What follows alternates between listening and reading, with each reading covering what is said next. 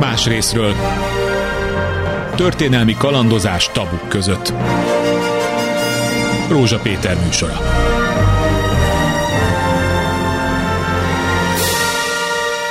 Jó napot kívánok, akik most nyugdíjasok és érintettek a következő témában, most nagyon örülhetnek, mert Holnap 10-én kezdődik a 3,5%-os nyugdíj korrekcióval emelt nyugdíjak kifizetése, és akik az ismétlésben hallgatnak bennünket, lehet, hogy már meg is kapták, mert szombaton van az ismétlés.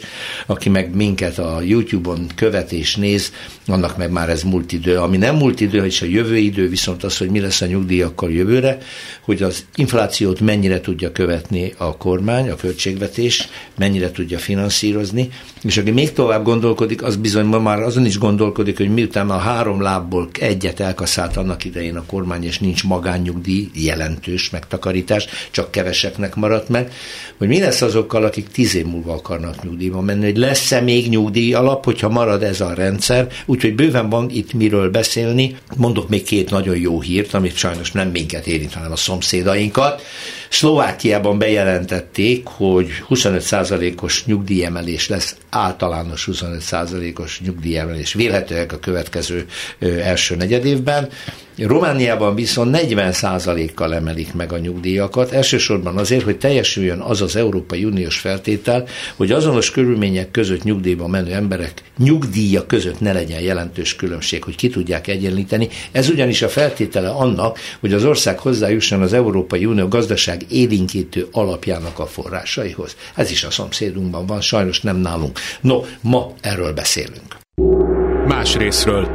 Az első vendég Hegyesiné Orsos Éva, az Életet az Éveknek Országos Szövetség elnöke. Jó napot kívánok! Jó napot kívánok! Mit szól a szomszédok jó híréhez? Ó, hát először is mi nem vagyunk irigyek, én biztos, hogy nem vagyok az, tehát hogyha valakinek jó, akkor én általában annak örülni szoktam, jó. de jó lenne, ha nekünk is jó lenne. No, ez a kiegészítés, ami most megtörtént, 3,5%-kal ugye követi a kormány, amennyire tudja évente egy vagy két lépésben az inflációt, hogy ne veszítsen vásárló értékéből a nyugdíj, ez elegendő?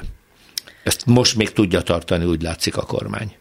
Azt gondolom, hogy ami nagyon fontos lenne, hogy ahhoz, hogy a nyugdíj képes legyen megőrizni a reál értékét, minimum annyival kellene, olyan mértékben kellene emelni, mint amilyen a tényleges infláció.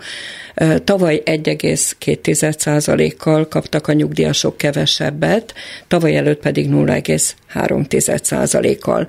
Ahhoz, hogy tényleg ezt kapják, arra lenne szükség, hogy januárban, amikor már tényleg tudjuk, hogy 2023-ban mennyi volt, mennyi volt az infláció, akkor kerüljön sor egy korrekcióra. De van egy másik nagyon fontos probléma, ez pedig az, hogy ez a bizonyos emelés nem mindenkinek jelent ugyanakkora örömet, és nem mindenkinek ad ugyanakkora biztonságot, hiszen ma a nyugdíj és a nyugdíj összege között elképesztően nagy a különbség.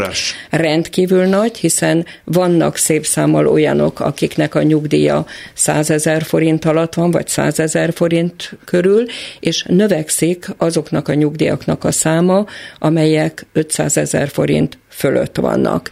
Na most akkor nem mindegy, hogy mondjuk 3,5 a 100 ezernek ezt a részét egészítjük igen, ennyivel, vagy igen. az 500 ezeret És hogy mondjak egy, egy példát, amin az elmúlt napokban nagyon megdöbbentem, amikor nyugdíjasokkal beszélgettem arról, hogy novemberben mi fog megtörténni, és ez mit jelent az ő életükben, az egyik asszony azt mondta, hogy ő már egy ideje ráállt a csökkentett üzemmódra. Na most ez a csökkentett üzemmód, ha belegondolunk, ez, ez, ez engem elborzasztott, mert ö, megkérdeztem tőle, hogy ez, ez a te esetedben mit jelent. Azt mondta, hogy ő neki ebben az évben egyáltalánban nem volt lehetősége arra, hogy egy pár napra elmenjen üdülni. Na most olyan helyen üdül, ami, hogy úgy mondjam, számára megfizethető volt az elmúlt években, tehát körülbelül ha évi 40-50 ezer forintot költött arra, hogy legalább négy napra elmenjen. És ebben az évben ezt sem engedhette meg magának, pedig hát én azt gondolom, hogy ez nem luxus.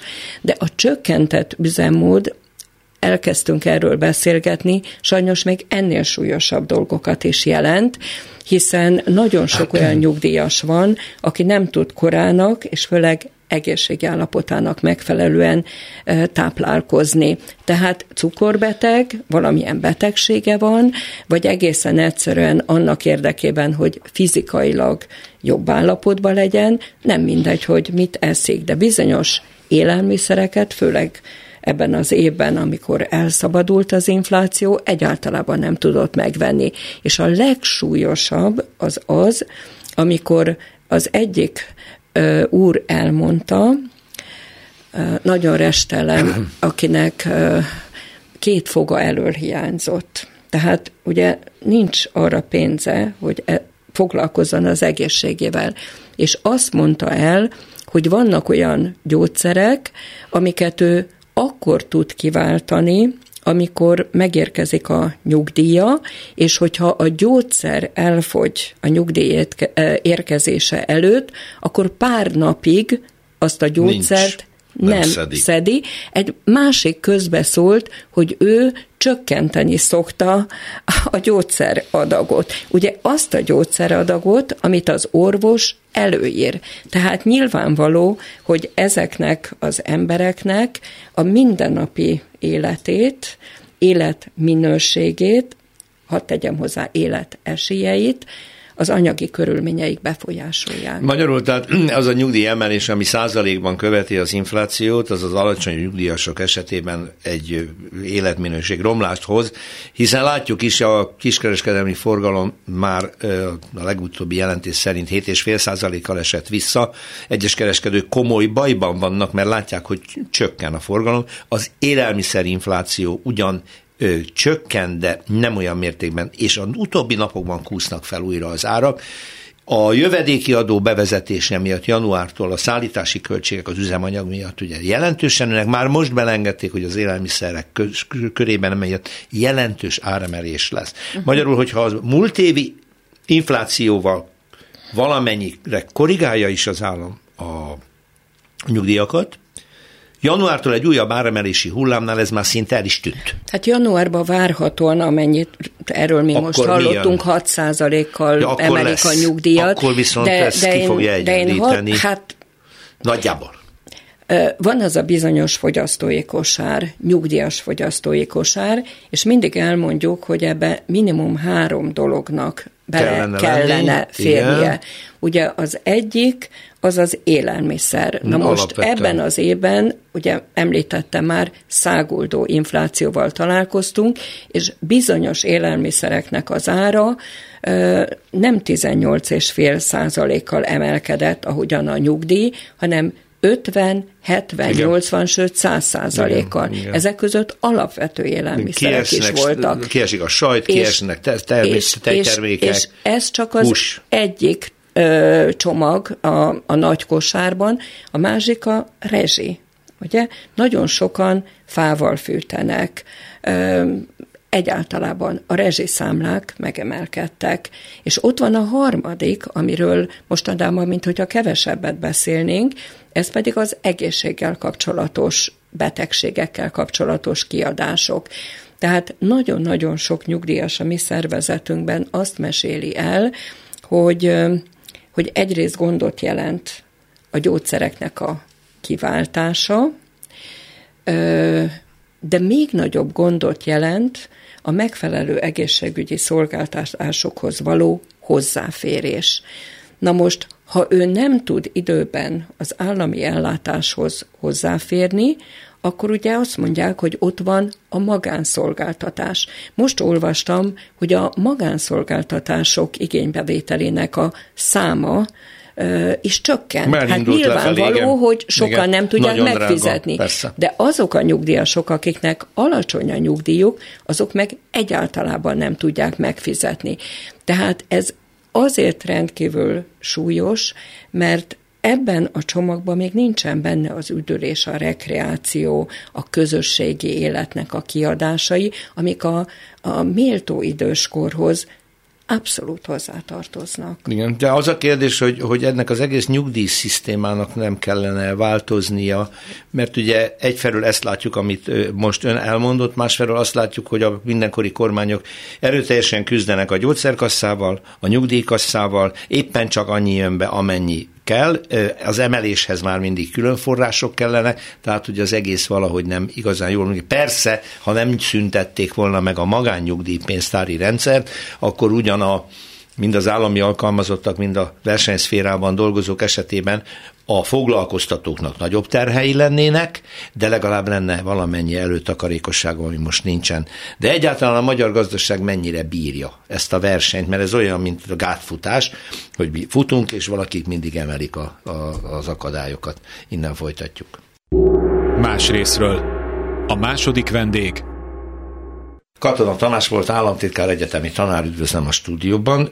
Jó napot kívánok! Akkor gyorsan, hogy amit hallott, hogy Orsos Évával beszélgettem, kiegészíti, vagy menjünk egy nagyobb költségvetési tételekről beszélni? No, szóval, hogy ugye az alaptörvény tartalmazza, hogy amennyiben a járulékfizetés nem, eleg, nem elegendő ahhoz, hogy minden nyugdíj ki legyen fizetve, akkor a mindenkori költségvetésből azt ki kell egészíteni. Na jó, de ez meddig? Hol van ennek a határa? Most egy ilyen inflációval számolunk, meg kiszámíthatatlan inflációval ráadásul. Azt gondolom, ez két külön kérdés, mert az, hogy milyen az infláció, az nyilván a nominális értékeket befolyásolja. De az, hogy egyáltalán hogy áll a költségvetés, az államháztartás, az a, az a lényegi Igen. kérdés. Az, hogy a járulék fedezi a, a járadékot, a nyugdíjat, az ma már majdnem indiferens, mert tulajdonképpen ennek az volt a lényege, hogy járulék és járadék van, hogy a társadalombiztosítási alapok önállóak. Az Voltak. Egész, ez a lényege, most is ez a lényege, csak nálunk ez nem így működik.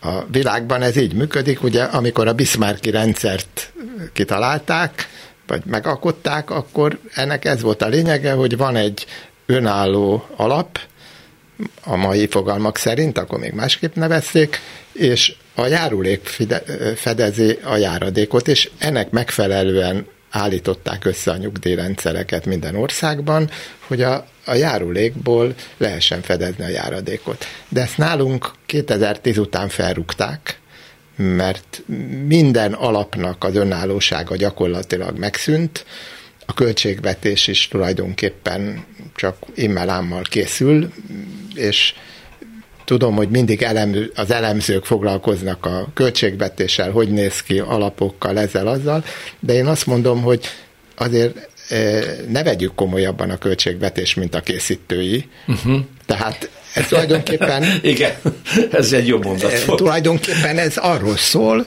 hogy alkotnak egy költségvetést a következő évre nyáron, aztán sokszor az utóbbi néhány évben már hatályba lépés előtt is módosítani kellett. Igen. És egyébként az elmúlt két évben hetente módosították a költségvetést valamilyen módon, tehát ezért mondtam, hogy ezt Aha. olyan nagyon komolyan venni nem értemes. Uh-huh. Tehát, hogy a nyugdíjrendszer finanszírozható, ez a kormányon múlik, hogy hajlandó, mit hajlandó finanszírozni.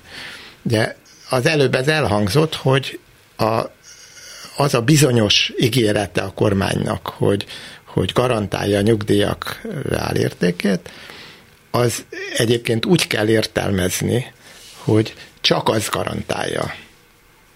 Mert 2010 előtt a nyugdíjak emelésének két forrása volt, vagy két indoka volt a nyugdíjemelésnek. Az egyik az, hogy emelkedtek az árak, a másik, hogy emelkedtek a bérek.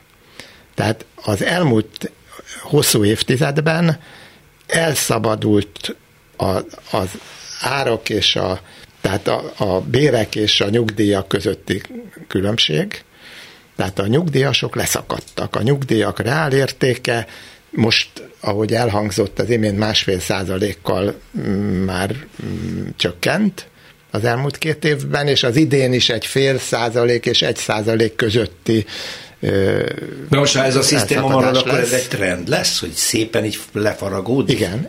Igen? Hát ez már nem lesz, hanem ez, ez már, ez már, az, már, már most is.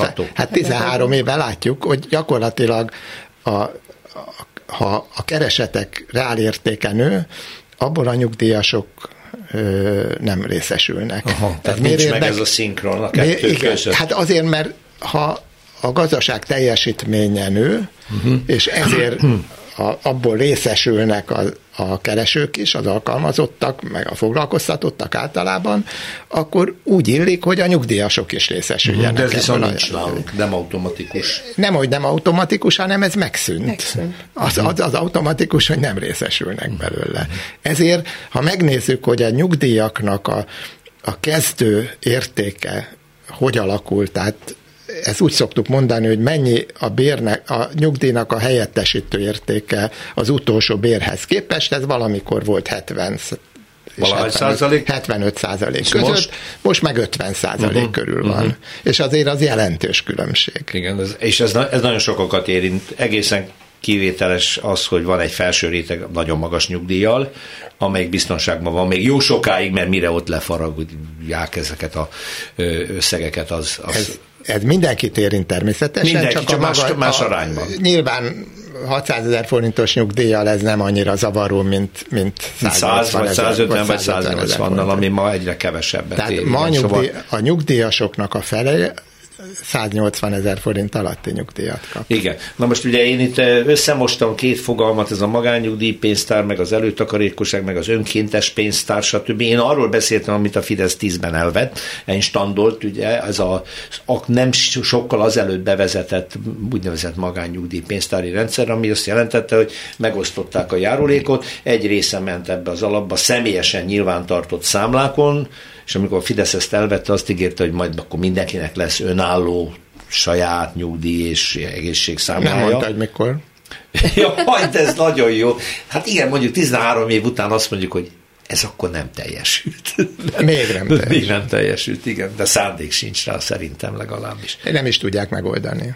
Technik... Ma már, de technikailag se, hát ma már nincs, általában igaz az, hogy a, ja, a szakpolitikák azok csődbe mentek nem foglalkozik vele. egy, a kormányt egyedül a hatalom technika érdekli. Ennek az az egyik ilyen szimptomája, hogy amit mondott Katona Tamás, hogy lényegében az összes járulékot, adót, mindent besöpörték, igen, és de, egy nagy pénztömegről van szó, amivel úgy gazdálkodik, ahogy éppen akar, nincs önálló TB, nincs önálló egészségkassa, igen, stb. stb. közigazgatási apparátus sincs, megszűnt. Uh-huh, amelyik a, ezt... a, nagyon érdekes és árulkodó, hogy a nyugdíjpolitikáért felelős miniszter az államháztartásért felelős miniszter, igen, vagyis igen. a pénzügyminiszter kecskére bízák a igen, káposztát. Igen, igen, hát igen. hogy lehet ő a nyugdíjak felelőse akkor, hogyha ő az államháztartásért felelős, amikor a pénzügyminisztériumban dolgoztam, óriási vitákat folytattunk az éppen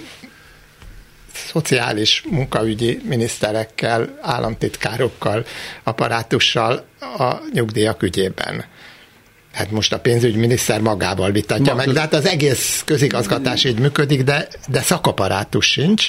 A nyugdíjbiztosítási főigazgatóság megszűnt, megszűnt igen. mint ahogy az egészségbiztosítás is megszűnt tulajdonképpen szakaparátusa, nem, most már egy egészen más típusú apparátus van.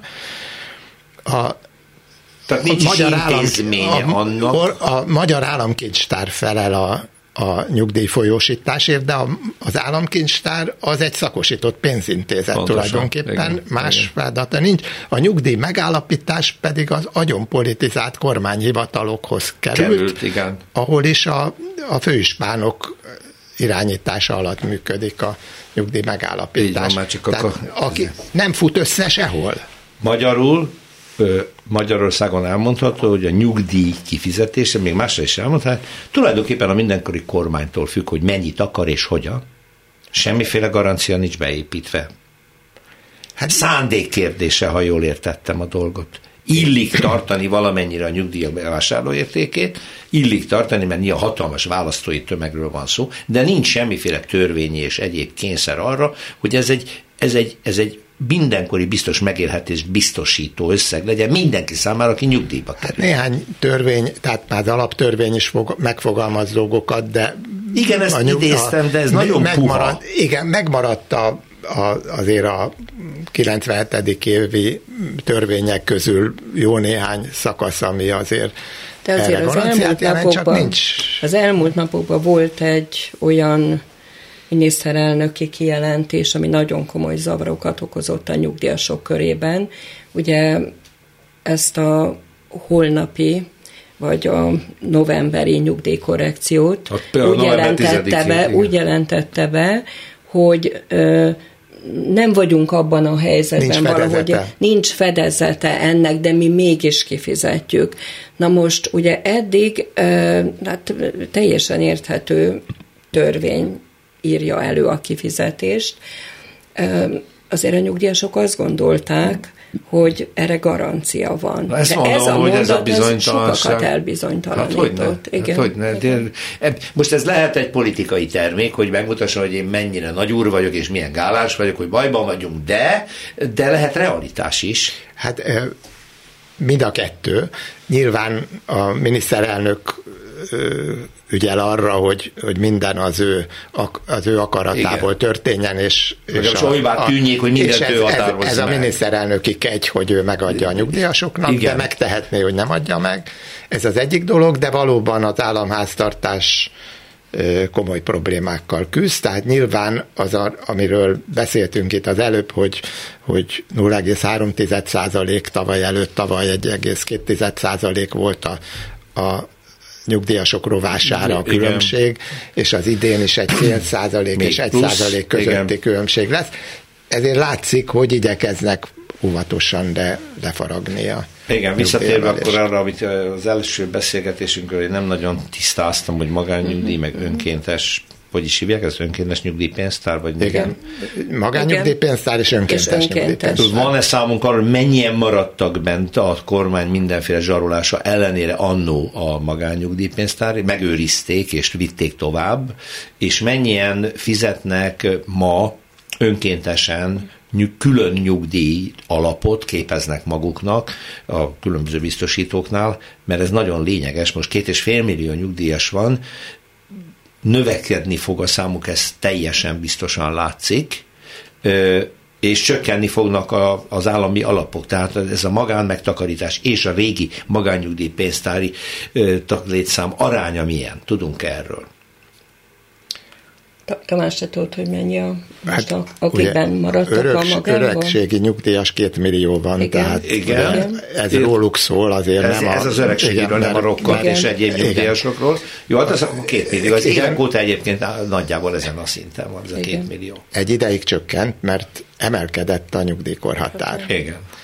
Csökkent a nyugdíjasok száma, száma és volt igen. olyan, amikor évközben csökkent a nyugdíjasok száma, ez ugye tavaly január 1-ével beállt a, a 65 évre, Ötre, igen. azóta felzárkózott, és akkor újra most megvan egy, újra, újra van millió. egy emelkedés, Igen. ezért tudott egyébként takarékoskodni az államháztartás a nyugdíj kifizetésekkel. A, amikor megszűnt a magányugdíj pénztári rendszer, 2011-ben nyilván ezt a kormány fölmérte, hogy hogy hogy lehet ezt megvalósítani. Először is egy hatalmas kommunikációs habverést indított el. Nagy hazugságokkal, hogy eltősdézik a pénzt, igen, az igen, és pénzét. kineveztek egy nyugdíjvédelmi kormánybiztos. Egy, Szép neve volt igen, nyugdíjvédelmi. Igen, de aztán kiderült, hogy a, a nyugdíjasoktól védi a nyugdíjvagyont. Hát igen. És, és nem a nyugdíjasok érdekében, Igen. de erre csak későn jöttek rá az érintettek. Néhány tízezren maradtak benn akkor, tehát tízezres nagyságrendben Igen. maradtak benn a, a magányugdíjpénztári rendszerbe, hogy azóta hányan vannak, nem tudjuk, mert, vagy legalábbis én nem tudom, mert a, megszűnt a nyugdíjbiztosítási főigazgatóság gyakorlatilag nyugdíjakról statisztika Semmit nem, nem tudunk. Készül. Semmit Minimális. Nem tudunk. Tehát most az utóbbi eh, évben néhány eh, tábla megjelent a, a stadatban, a statisztikai hivatal honlapján, de minimális. Tehát ahhoz képest, hogy a nyugdíjbiztosítási főigazgatóság eh, kiadott minden évben egy, egy szak évkönyv, egy statisztikai évkönyvet, amiből lehetett látni, Igen, hogy mi a hát helyzet. Ez, ez megszűnt, mint ahogy sok mindenhol, de ott tulajdonképpen két dologról kell még beszélni itt a, nyug, a magánnyugdíjpénztárrendszer megszüntetésénél.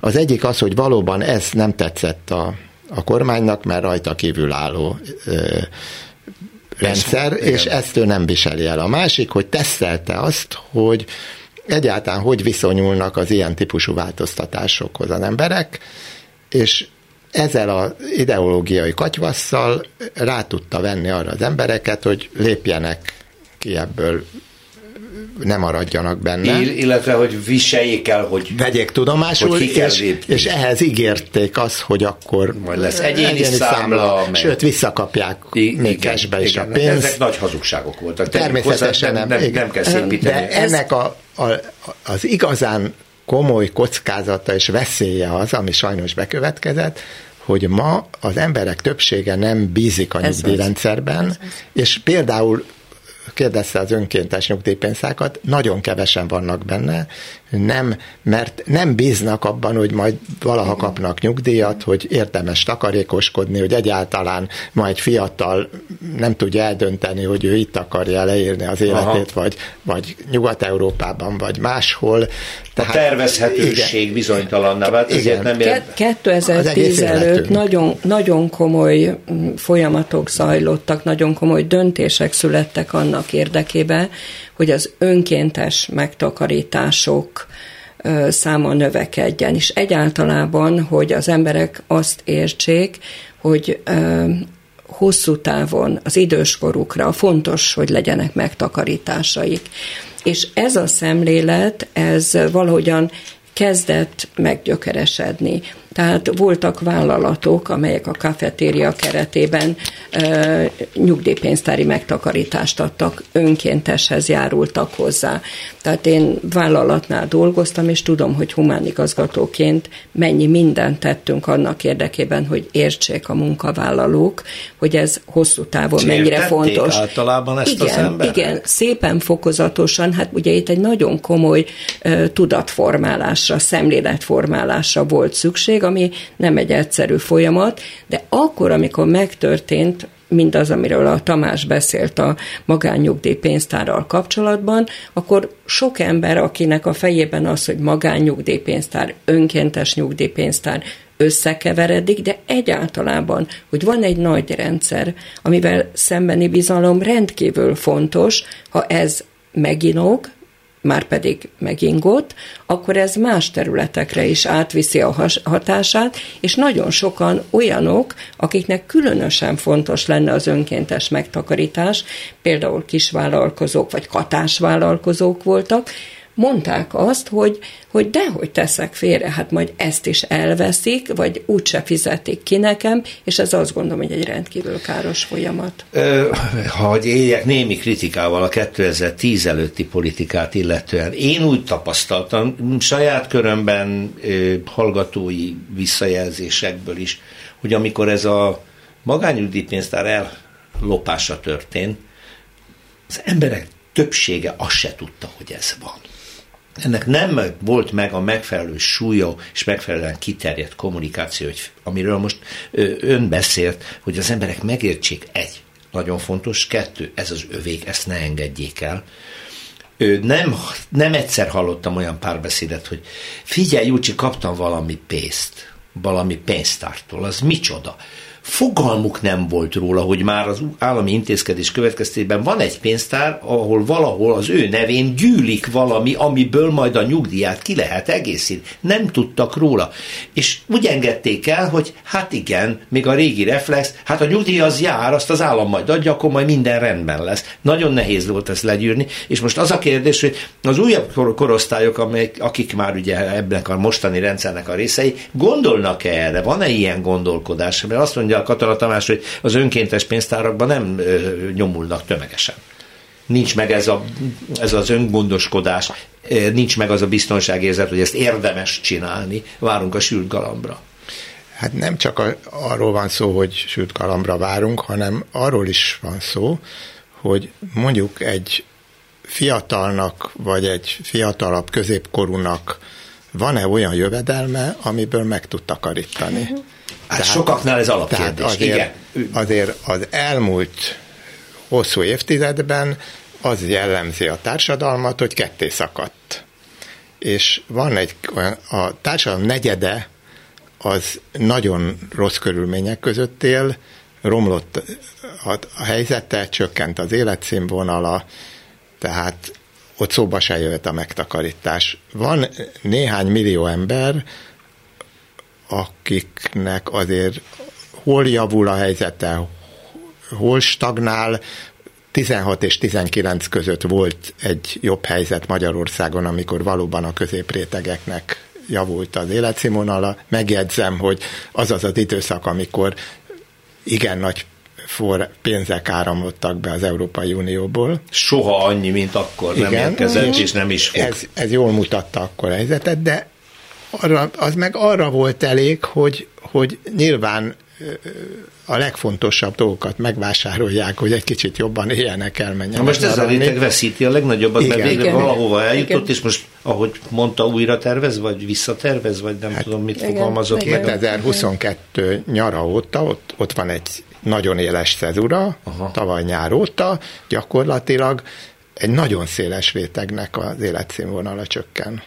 Mert a reálkeresete csökken, elszabadultak az árak, pont azok az árak, amik a legfontosabbak. Hát ez minden ponton látszik, szóba került már, hogy, hogy a, az előző időszakhoz képest az első, Igen. most már látjuk az első kilenc hónap adatait, az első háromnegyed évben csak nem 10%-kal csökkent a kiskereskedelmi forgalom, a 20% még mindig az árindex 20% közelébe van, hogyha az egész évet nézzük. Tehát... Igen. Csak valahogy úgy tűnik nekem, hogy nincs igazán fókuszban ez az érintett társadalmi réteg, amelyik elég jelentős, jó, jó, jó néhány millió emberről lehet szó, akik szép csendesen mennek egy kicsit lejjebb, kicsit visszater, most nem megy el üdülni, most már nem cserélik ki a tévét vagy a hűtőt, most még nem veszi meg azt a sajtot, amit eddig, és most mehetnék a lépcső. Ők valahogy nincsenek igazán képe, mert azt látom, egyébként meg ez tényleg így van, hogy például ünnepnap napokon teli vannak a szálláshelyek, hogy nem lehet beférni a fürdőkbe, hogy, hogy tömegek jönnek, mennek, utaznak, és ez a tömeg elfedi azt a réteget, amelyről most önök itt beszélnek. Mert, mert olyan hihetetlenek tűnik, hogy emberek úgy élnek, hogy hónap végén már nem tudja a gyógyszerét megvenni, uh-huh. hogy sokan van, egy-kettőt látunk, de nincsenek képen. Na de hát egy, egyrészt igaz, hát a Tamás is ugye azt mondta, hogy polarizálódott ez a társadalom. Tehát vannak olyanok, akik évente nem egyszer, hanem sokszor el tudnak menni üdülni, hosszú hétvégeket tölteni szállodában, és Igen. ez nem okoz neki gondot. Tűnik, Tehát hogy... nyilvánvaló őket látjuk ott. Míg ott vannak azok, akik meg évente egyszer se tudnak elmenni, meg a gyógyszereiket se tudják kiváltani. De van egy nagyon lényeges dolog, amit nem lehet nem észrevenni, hogy a társadalmon belül a szolidaritás is csökkenőben van, és nem azért, mert az emberek ennyire érzéketlenek lennének, mert most is vannak olyanok, akik jönnek, támogatnak, közreműködnek, segítenek, stb. stb. De például, amikor valamelyikünk, aki általában támogató, adományozni is szokott, egy karácsonyi időszakban, és ez nem túlzás, amit mondok, megkapja a tizedik olyan levelet, hogy kérlek támogasd ezt vagy azt az ügyet, akkor ugye azok is, akik képesek támogatni, azt mondják, hogy elérkeztem a határaimhoz. De van még egy nagyon lényeges dolog. Általában is tapasztalható, hogy a társadalmon belül nő a feszültség. Csak egy konkrét példát hadd mondjak, és ez, ez ezen a héten történt. Bementem egy élelmiszerboltba, és ebbe az élelmiszerboltba bejött egy idős asszony. Hozzáteszem, rosszul öltözött, és kétségtelenül kellemetlen szaga volt. Megjelent a biztonsági őr, és olyan stílusban utasította őt ki ebből az áruházból, neki ez a dolga. Igen. De azt nem észrevételezték, hogy ez az asszony egészen biztosan Alzheimer beteg volt. Nem az ő dolga, úgy, ugye, az ő dolga, hogy kitegye, de a stílus és az agresszivitás az hihetetlen volt. Másik, tegnap a metrón egy súlyosan beteg fiatalember utazott, pszichiátriai beteg, ez, ez egyértelmű. Olyan kiabálásba kezdett, megijedt valamitől, de ennél riasztóbb volt az az utas, aki egy másik kocsiból rohant előre, és olyan agresszivitással, olyan szavakkal ö, beszélt vele, hogy számomra félme, félelmet kell. Jó, hát a levegőben legjelentős az agresszió igen, igen. és az intolerancia. Ezt lehet a tömegközlekedési eszközökön és, és ez összevi, összefüggésben van nyilván az emberek anyagi helyzetével, a bizonytalansággal, tehát ezek a különböző rossz hatások, ezek egymás hatását erősítik. Mennyire sugalja ezt maga a nagy politika? Igen, hát ebben benne van az is, hogy a, amit említettem, hogy az a két-két és fél millió ember, akinek az életszínvonala zuhant, zuhant az elmúlt 13 évben, és, és megjelentek sajnos tömegével az éhező gyerekek Magyarországon, ami szerencsére már évtizedek óta nem volt. Ebben az is benne van, hogy hogy ez egy szintiszta hatalomtechnika. Kizárólag az érdekli őket, hogy kik szavaznak rájuk, és meglegyen az a szavazat szám. De hogy van az, kedves Tamás és kedves Éva, hogy még mindig a felmérések mutatják, a közvéleménykutatások a mai napig ezt mérik, hogy éppen a legszegényebbek, a legelkötelezettebb Fidesz szavazók. Igen, igen, sajnos ez így van. Most akkor mi miről beszélünk? E, ennek a másik oldalát közelről közelíteném meg, mert ez azért azt mutatja, hogy a magasabb, magasabban képzettek, a városiak, a magasabb Igen. jövedelműek, azok már világosan látják, hogy hova vezet ez a politika, és ők nem a türk tanács, hanem az európai tanács véleményére kíváncsiak, és nem éreznek magukba, hogy kipcsák vért, és igenis Európához akarnak tartozni. Ez a ez a döbbenetes kommunikáció, amire egyébként százmilliárdokat költ évente a kormány, most már hosszú évek óta, ez valóban még milliókat téveszt meg, ez igaz. Hát én nem tudom, mit éveszi meg az embereket, de ennél nyilvánvalóbb aljasságot, most na, bocsánat a szavakért, de nagyon felháborodtam, amikor kiderült, hogy 14 milliárd forintot arra fordítanak, hogy a tankerületi vezetők szolgálati elektromos meghajtású autót versenek akkor, amikor 3-4 ezer pedagógus elhagyta a pályát, mert nem tud megélni belőle, és továbbiak mennek el, és a béremelésükkel egy packáz és játszik a kormány, hogy ehhez még mi kell, hogy az emberek azt mondják, hogy na jó, hát ez tényleg igazságtalan.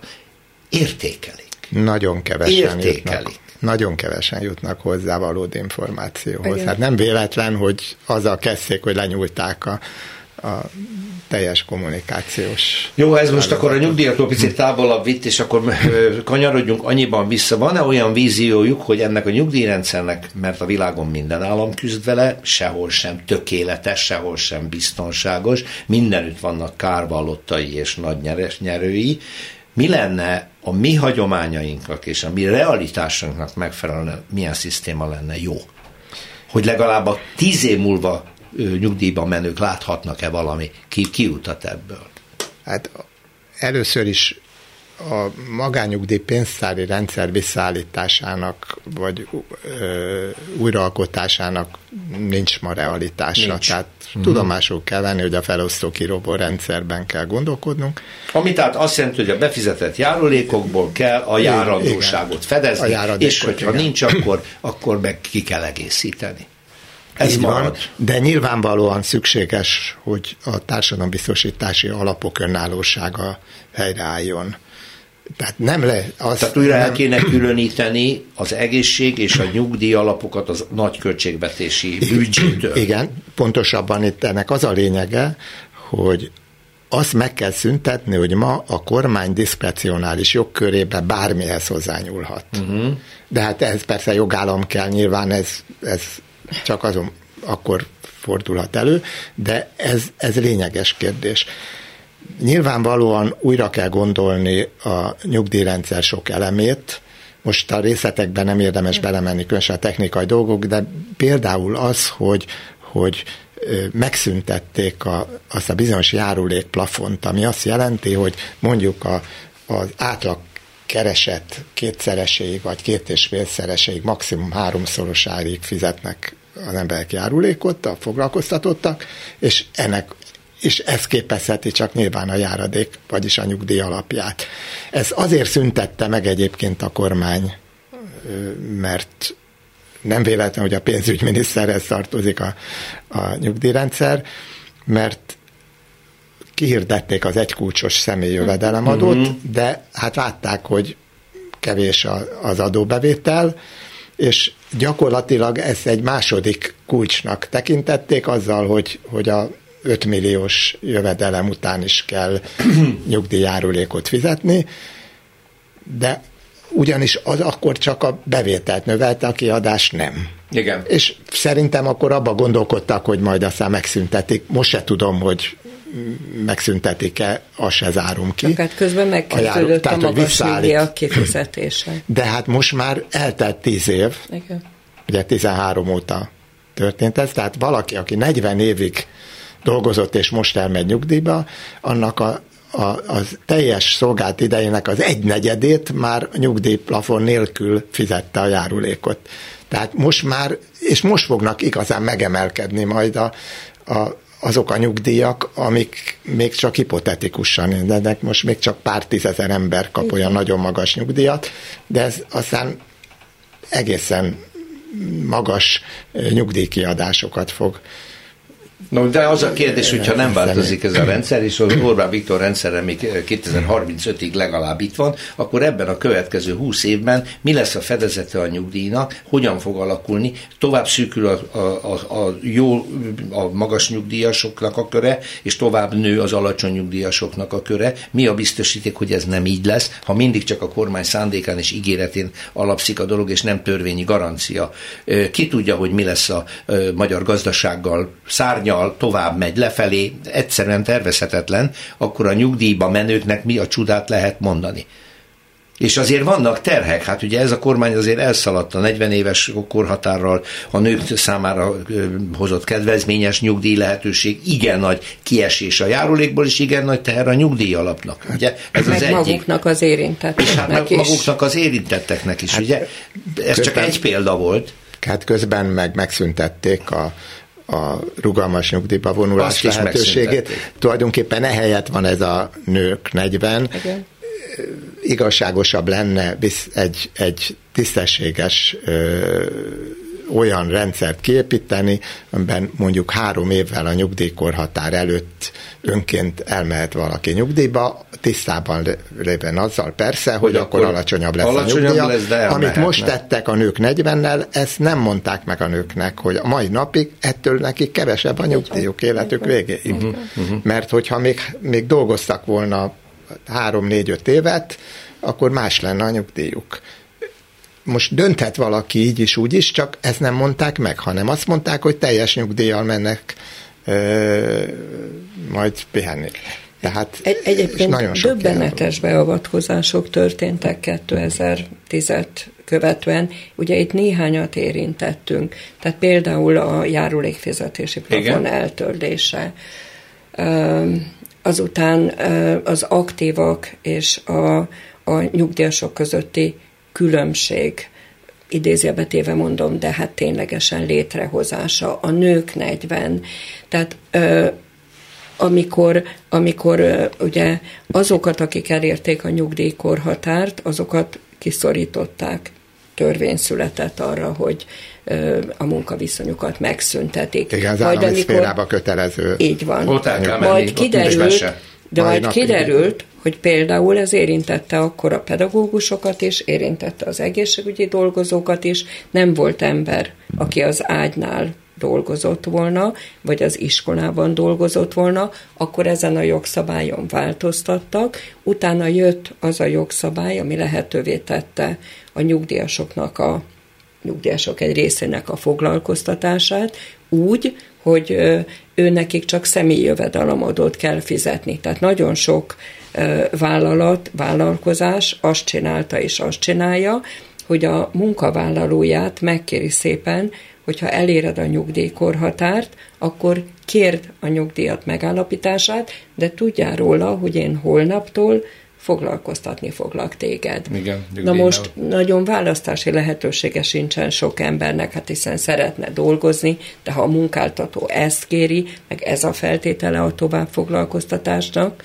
akkor megteszi, sőt, van, aki úgy is gondolja, hogy ezzel nagyon sokat nyer, bizonyos szempontból ez igaz is, hiszen megkapja a nyugdíját, és plusz még a megkapott béréből csak személyi jövedelemadót fizet. Szóval olyan ö, intézkedések születtek, hogy itt nem lehet csak azt nézni, hogy mi történik magával a nyugdíjrendszerrel, mert ez érinti a foglalkoztatáspolitikát. Hát hogy nem? Igen. Éppen arra gondoltam, hogy ez a nyugdíjkorhatár megállapítás is inkább egy szofisztikált gazdaságpolitikai pénzügyi kérdés, uh-huh. és mhm. nem realitás. Számtalan munkakörben számtalan szakmában 65 év fölött maximálisan tudna valaki teljesíteni, és hogyha állami munkahelyen volt, mégis kénytelen nyugdíjba menni, ez pazarlás. Pazarlás a munkaerővel, a tehetséggel, a tudással, tehát e- ezt is, ezt is fel lehetne oldani, nem? Sokkal rugalmasabban lehetne kezelni, maradjon munkába az, aki jól teljesít, és még ráadásul aktív is. Jó, ennek politikai oka volt természetesen, nem, és nem közgazdasági, hiszen így úgy gondolták, hogy sokaktól meg lehet válni, mint ahogy meg is váltak. A, Sikerült a, a bíróknak, az kezdték hát ezt. Elsősorban az igazságszolgáltatásban, uh-huh, ahol kötelező Ez a hújon, a férges, akit nem szeretünk, az a régi korosztály menjen. Igen, igen. Hát most nagyon leegyszerűsítve, de valami ilyesmi. Így megszabadultak nagyon sok bírósági vezetőtől, De az oktatásban is ezt tették. Most még amit értékelni kell, hogy tulajdonképpen a, a jelenlegi helyzetben a nyugdíjasoknak a életszínvonala, erről már Éva beszélt, jelentősen csökkent.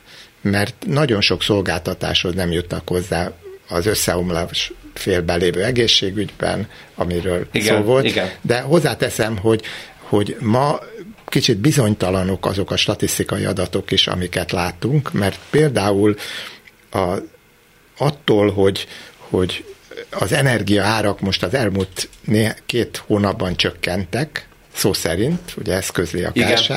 Ennek az az oka, hogy most havonta figyeli a KSH, közölték tavaly nyáron, hogy, vagy ősszel, hogy mostantól kezdve mindig azt mérik, hogy a, az energia ellátásban mit vesznek igénybe a, az, az úgynevezett még mindig rezsicsökkentett, vagy az emelt mm, áru. áru. Menj, és ezt az energiahivatal minden hónapban közli. Igen. Vagyis most azért csökkennek az árak, mert nagyon sokan csak egy szobát fűtenek visszafogták a Mert gáz meg az áramfogyasztást, de mérik igen, el a piaci igen, ár. De, de ez rontja az életszínvonalukat. Ez, is rontja. Ez is, igen, ez is többek között. Még, még egy dolgot, az, az utolsó néhány percben meg kéne említenem. Nagyon érdekes, hogy a kormány a felelősség alól hogyan tud kimászni ugye felállított azt a szociális ellátási sorrendet, hogy elsősorban a család felelős azért, hogyha valaki vagy élethelyzete olyan, hogy segíteni. Például nyugdíjas, akkor a család közvetlen hozzátartozó vagy a tágabb értelemben vett család, utána a szociális ellátórendszer az önkormányzat, és csak a harmadik a kormány, aki igazából felelős ezért a dologért. De az mennyire reális, és erről nyilván nincsenek konkrét adatok, de arányok talán, hogy azért számtalan nyugdíjas alacsony nyugdíja ellenére egy családban él, ahol kap támogatást. Nem csak a nyugdíj az egyetlen forrás, nem? És nem csak erről van szó, hanem arról is, hogy nagyon sok családban a nyugdíjas támogatja az aktív korú gyerekeit. Hát aki megteheti, 500 ezer forint fölött már lehet támogatni. Csodákat de... látunk egyébként, meg kell, hogy mondjam a nyugdíjas szervezetünkbe, hogy szinte hihetetlen, amikor a, a kis nyugdíjas nyugdíja az, amelyik a, a, az aktívkorú gyerekek és hozzátartozók megélhetését támogatja. Hm. Ez nagyon rossz, nagyon rossz visszhangja volt ennek a, ennek a, ennek a törvénynek, mert a valósága sokkal bonyolultabb, ami nagyon nehéz egy törvényen leírni. Tehát az nagyon jó, hogyha vannak jól működő családok, és azt nem is kell szabályozni, mert a család maga megoldja ezeket uh-huh. a mhm. problémákat. De vannak olyan élethelyzetek, amiket nem lehet ezzel a törvényel megoldani. Tehát nem lehet megoldani például azt, amikor van egy család, amelyik nem működött családként mert hiába idős emberről van szó, hát az idős emberek között is ott vannak azok, akik nem működtek jó anya vagy jó apaként távol. Hiába írja elő a törvény, hogy mondjuk igen, a közvetlen hozzátartozó fél gyereknek igen, el kell igen, látni az igen. idős mamát, akkor is a kicsi a nyugdíja, ezt törvényben és előírhatják, de ez nem működik erről az van életben. Szó, és nem lehet magától. arra hivatkozni, hogy a szülő gondoskodott a gyerekéről, most a gyerek most gondoskodjon, mert a szülő nem gondoskodott a gyerekéről. Tehát az élet a sokkal bonyolultabb, mint amit ezzel a törvényel lehet leírni. Nekem meggyőződésem, hogy a, a gyerekek döntő többsége gondoskodik, gondoskodik a szülői, szüleiről, de például a tavalyi népszámlálás azt mutatta, hogy csak nem egy millió idős ember él egyedül. Teljesen magára hagyva ezek szerint. Egy millió. Én nem mondtam, hogy magára hagyva, a népszámlálás ezt nem rögzíti, Igen, de az, hogy de... egy millió idős ember egyedül él, úgy mondja ezt a népszámlási szó, azt hogy egy személyes háztartásban él. Uh-huh. De ezeknek a gyerekeknek egy jó része egy másik városban, Budapesten, másik megyében, másik megyében él, vagy külföldre távozott. Ez elég jellemző. És, és sokszor nem csak arról van szó, hogy, hogy kellene néhány tízezer forint, hogy ki tudja váltani a gyógyszerét, ez, ezen még könnyebb segíteni egy gyereknek, de a, a mindennapokban segíteni. Hogy valaki elvigye orvoshoz, igen, ha már nem, de ezzel jár, arra, nem igen, tud közlekedni, stb. Igen, igen, és, igen. és ez, ezért ebből a beszélgetésből az, hogy milyen állapotban van a szociális és egészségügyi ellátórendszer, kihagyhatatlan. Tehát mi hozzánk nem csak idős emberek jönnek segítségért, hanem nagyon gyakran az ő gyerekeik. E, például múltkor meglepődtem, pedig hát én nagyon gyakran vagyok idősekkel együtt, de egy 70 éves ember fordult hozzánk azért, hogy segítsünk neki az Alzheimer beteg édesanyjának az ellátásában, mert ő már fizikailag és mentálisan ezzel nem tud megküzdeni. Hát a szociális ellátórendszerről azt hiszem, hogy egy önálló műsort is érdemes lesz csinálni, hogy ennek a kormánynak mennyire nem szívügye ez a dolog, és ennek az egésznek a hálózata miért nem működik, és ahelyett, hogy a civil szervezetek vegzálásával foglalkozna, ezt az állami feladatot komolyabban venni, de hát ez már egy másik beszélgetés. Tehát köszönöm szépen az elmúlt egy órában Hegyesini Orsos Évával az életet az Éveknek Országos Szövetség elnökével és Katona Tamás egyetemi tanárral beszélgettünk a nyugdíjról. Szerkesztő Sonfai Péter nevében is köszönöm a figyelmüket. Egy hét múlva újra jelentkezünk ebben a műsorral. Más részről. Történelmi kalandozás tabuk között. Rózsa Péter műsorát hallották.